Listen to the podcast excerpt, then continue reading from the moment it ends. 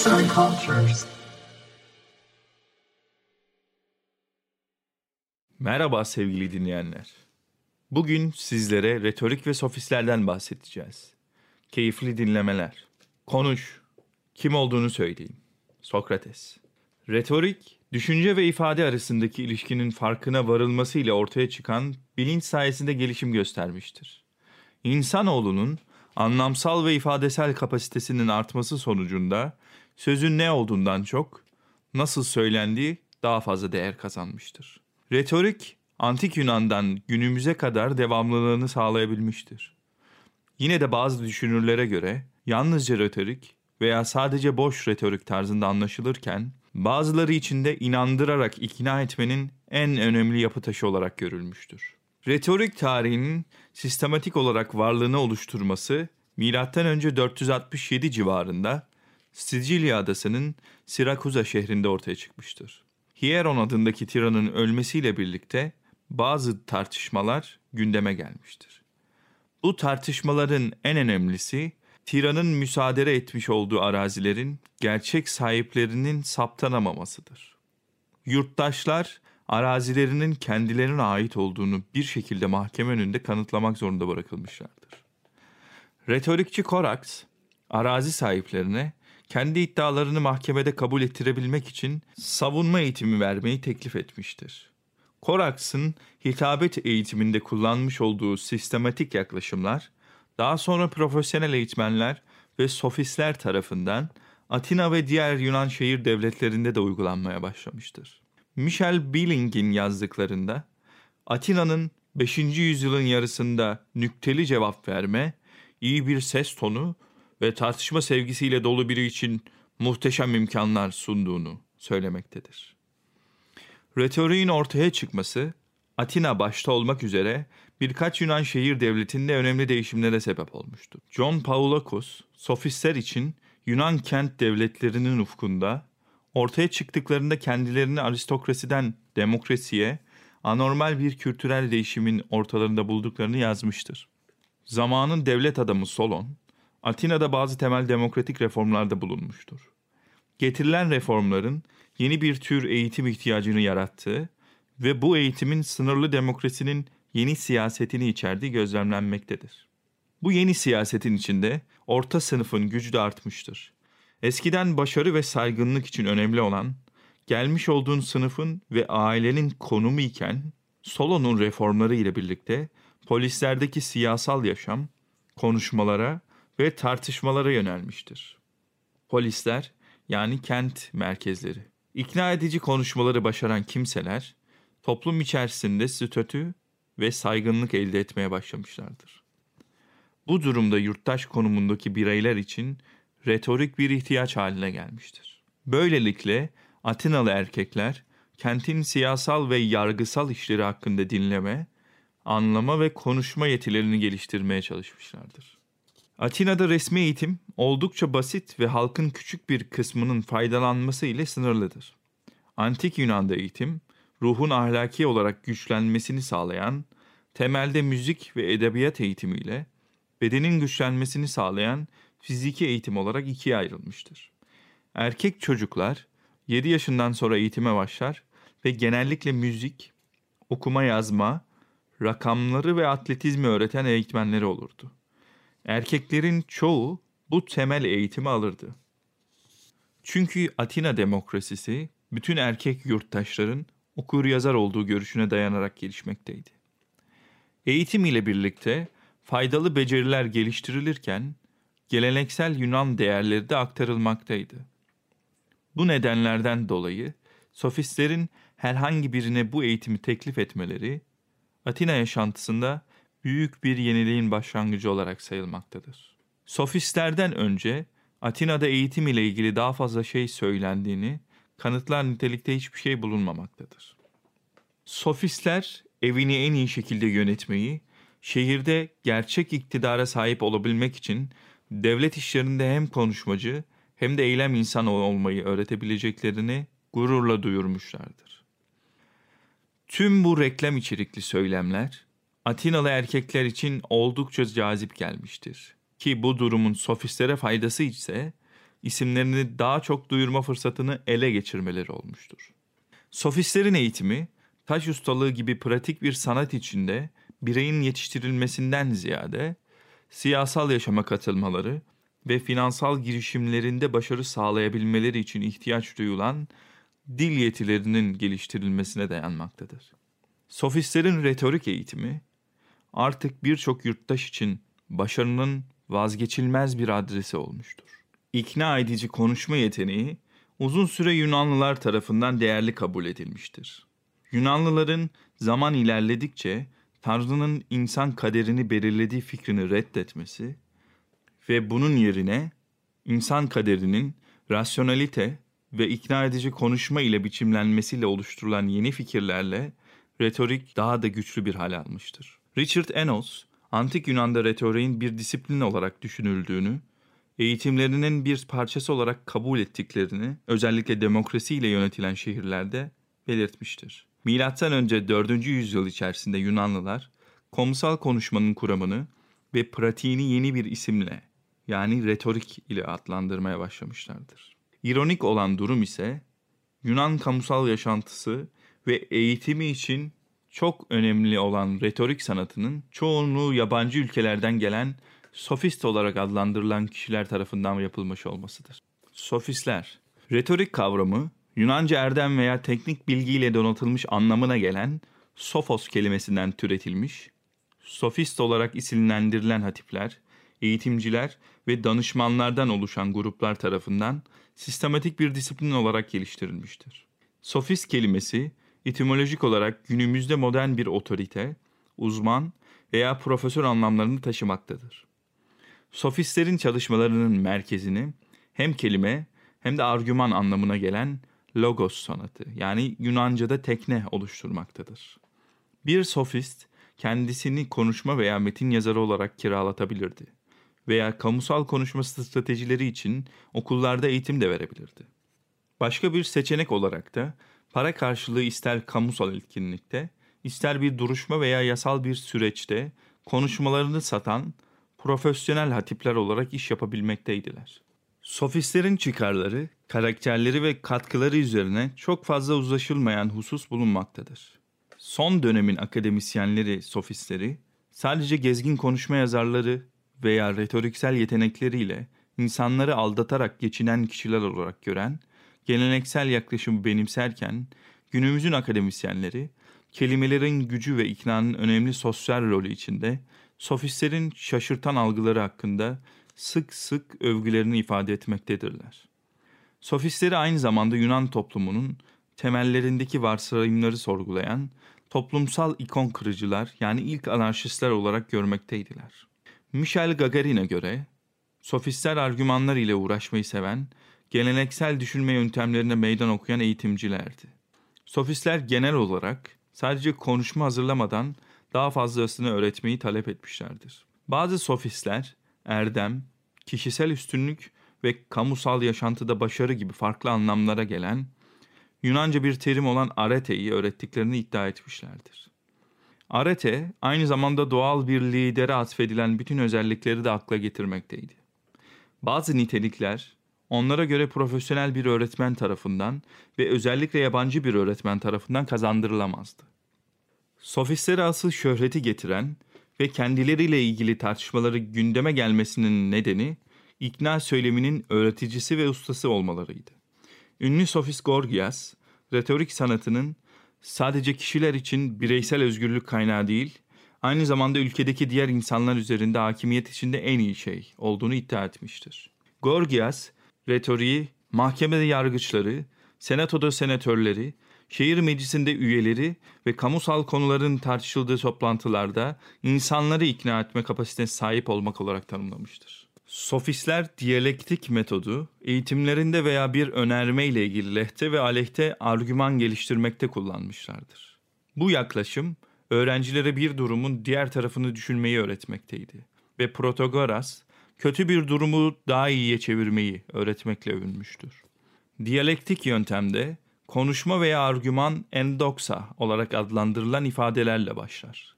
Bir öğrenci grubu geniş kabul görmüş bir argüman veya argüman dizisi geliştirirken Diğer öğrenci grubu karşıt bakış açısıyla geliştirilmiş ve geniş kabul görmüş bir fikir temelinde oluşturulan argümanlara meydan okuyarak tartışırlardı. Bu duruma Yunanca Disoilogai adını vermekteydiler. Yani bir görüşün iki karşıt yaklaşım olduğu ve birinin üstün geleceği bu yaklaşımların iki tarafının da göz önüne alınması gerektiği kabul edilerek tartışma sanatı öğretilirdi.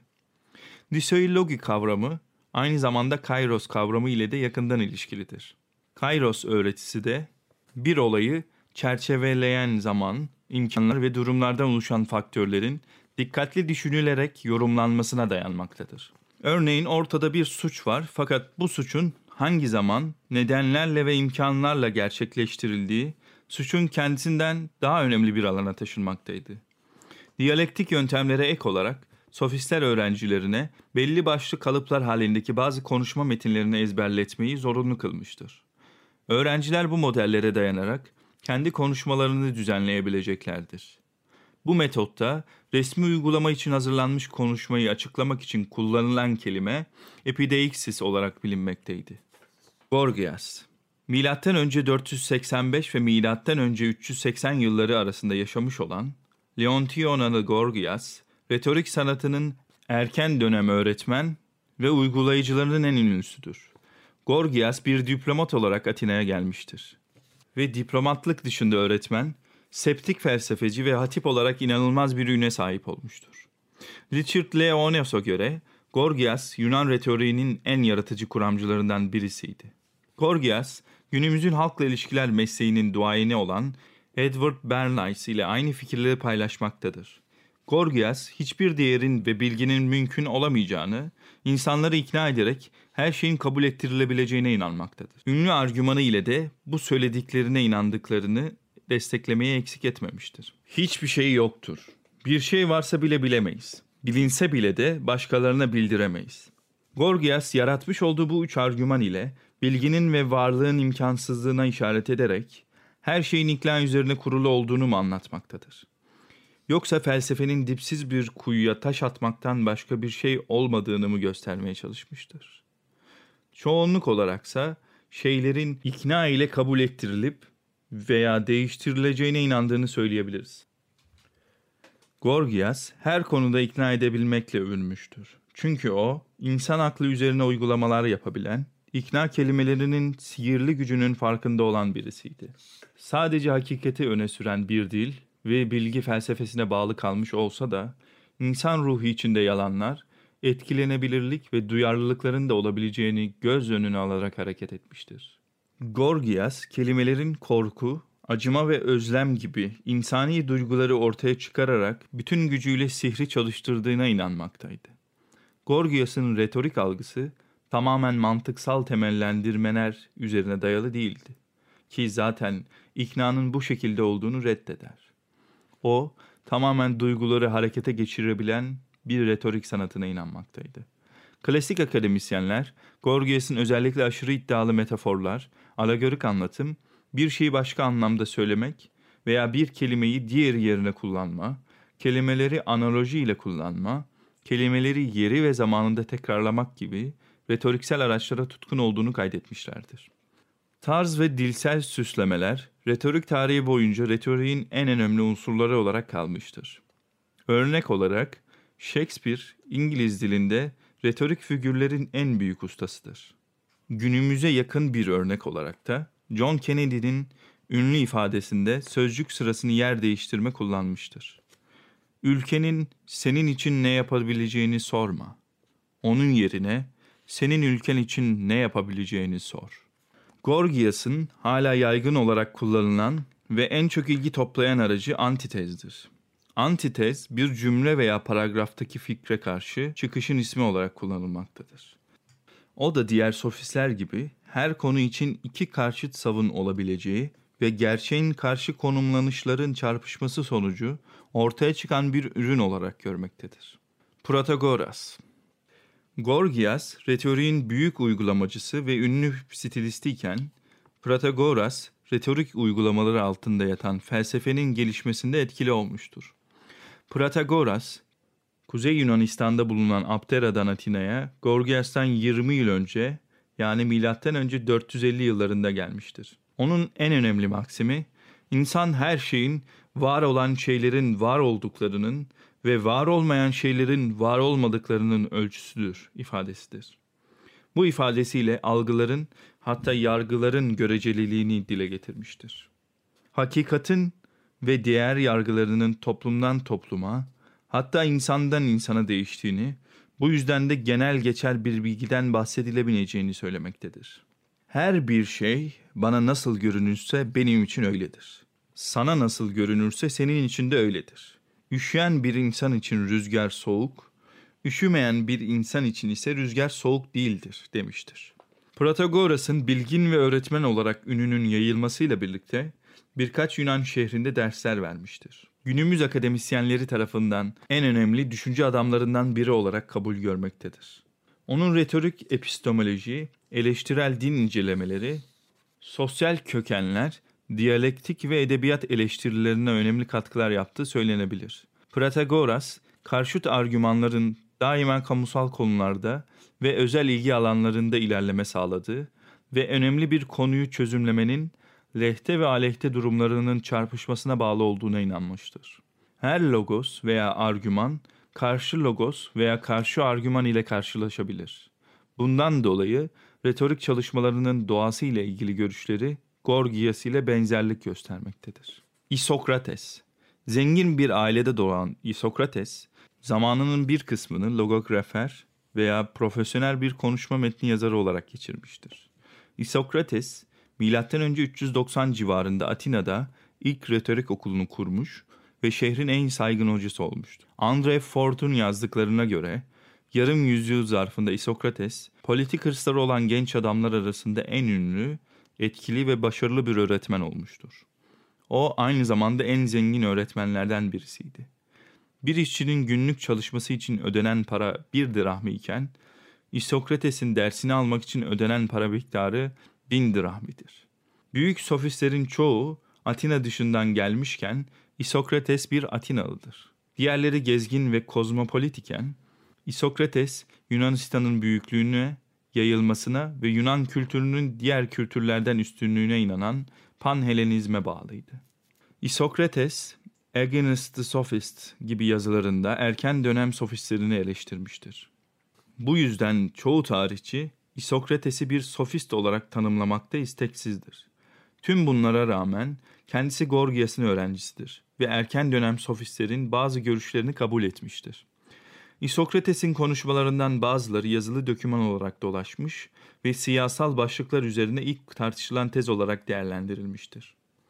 Bunların arasında Simmakikus ve Aeropageticus bulunmaktadır. Ona göre retorik, yaratıcı aynı zamanda öğretmenin ve öğrencinin karşılıklı uyumu ile gerçekleştirilebilen bir sanat dalıdır. Retorik sanatını, Yunanistan'ı ve Atina'yı eski yaşamına kavuşturacak öğrencilerin yetiştirilmesinde bir araç olarak görmüştür.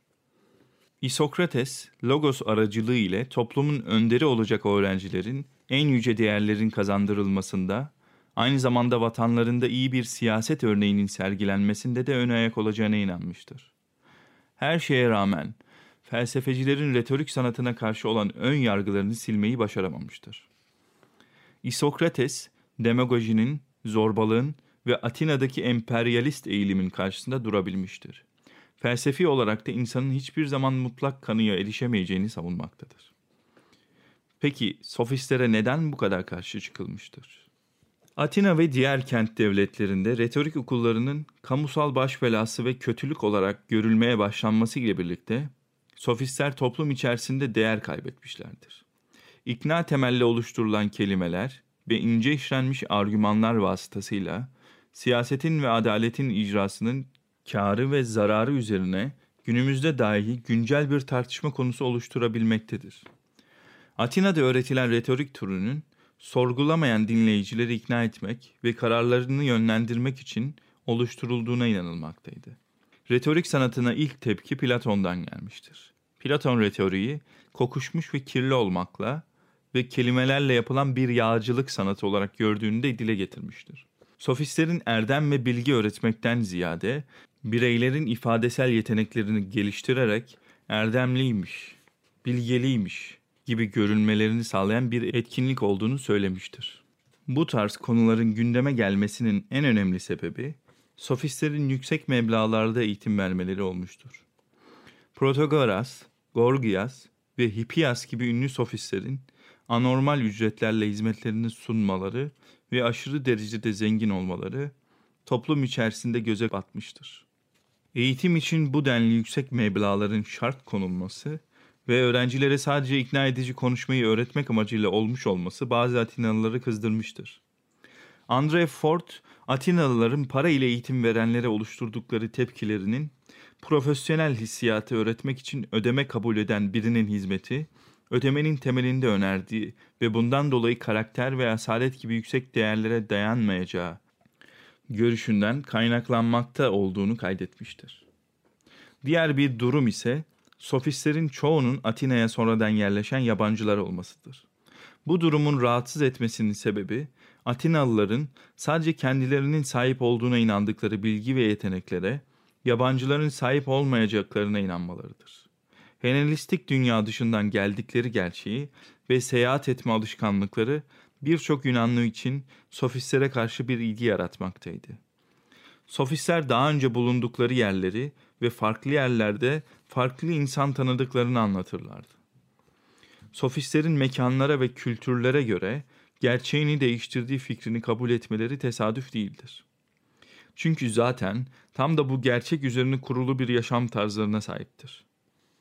Susan Gerard'ın ifade ettiği şekilde Atinalıların neye inandıkları bildikleri kadar Spartalıların, Korintlerin ve Kuzey Afrikalıların da neye inandıklarını biliyorlardı. Daha da önemlisi sofistler farklı yerlerdeki inançların ortak yanlarından çok farklılıklarının olduğunu bilmektedirler. Bu da onları Atina içerisinde başka bir konuma koyabilmekteydi. Anlaşılmazlığın belki de en büyük kaynağı ise gerçeklik algıları olmuştur. Gorgias ve Protagoras gibi sofistlere göre gerçek tanrı Platon'un evrensel form alanı gibi aşkın bir kaynakta bulunmuyordu. Sofistler gerçekliğin argümanların çatışmasıyla ortaya çıktığına ve her daim değişebileceğine inanmaktaydılar. Platon ise böyle bir gerçekliğin tehlikeli olduğunu dile getirerek reddetmiştir. John Paulokos, sofistlerin dünyanın daima dil yoluyla yeniden yaratılabileceğine inandıklarını kaydetmiştir. Yani hakikatin nesnel bir gerçeklikten çok dilsel bir inşa olduğu görüşü hakimdir. Sofistlere yöneltilen en büyük eleştiri de bu noktada ortaya çıkmaktadır. Eğer doğruluk ve gerçeklik kimin en ikna edici konuştuğuna bağlı ise adalet, erdem ve sosyal düzen nasıl oluşturulabilirdi? Oluşturulsa bile bunun kötü insanların eline geçmesi durumunda adaleti, erdemi ve sosyal düzeni manipüle etmelerinden çekinilmekteydi. James Murphy ve Richard Catula'nın yazdıklarına göre bilgi öznel bir deneyim ve her şey tam olarak insanın inandığı şeydi sofistler için. Yani bunun anlamı kolektif insan olmaya ihtiyaç duyulmadan her birimiz bir şeyin bizim için ne anlama geldiğine kendimiz karar verebiliriz. Sofistlerin gerçeklik için getirmiş oldukları bu radikal yorumlar muhafazakar Atinalılar için bir tehdit oluşturmaktaydı. Çünkü asıl korktukları şey sofistlerin kendileri değil, sofistlerin düşüncelerinin çoğunluk tarafından kabulü görmesi olmuştur. Yazan Sevtap Sarak Kaçak, seslendiren Alpagut Aykut Tüzemen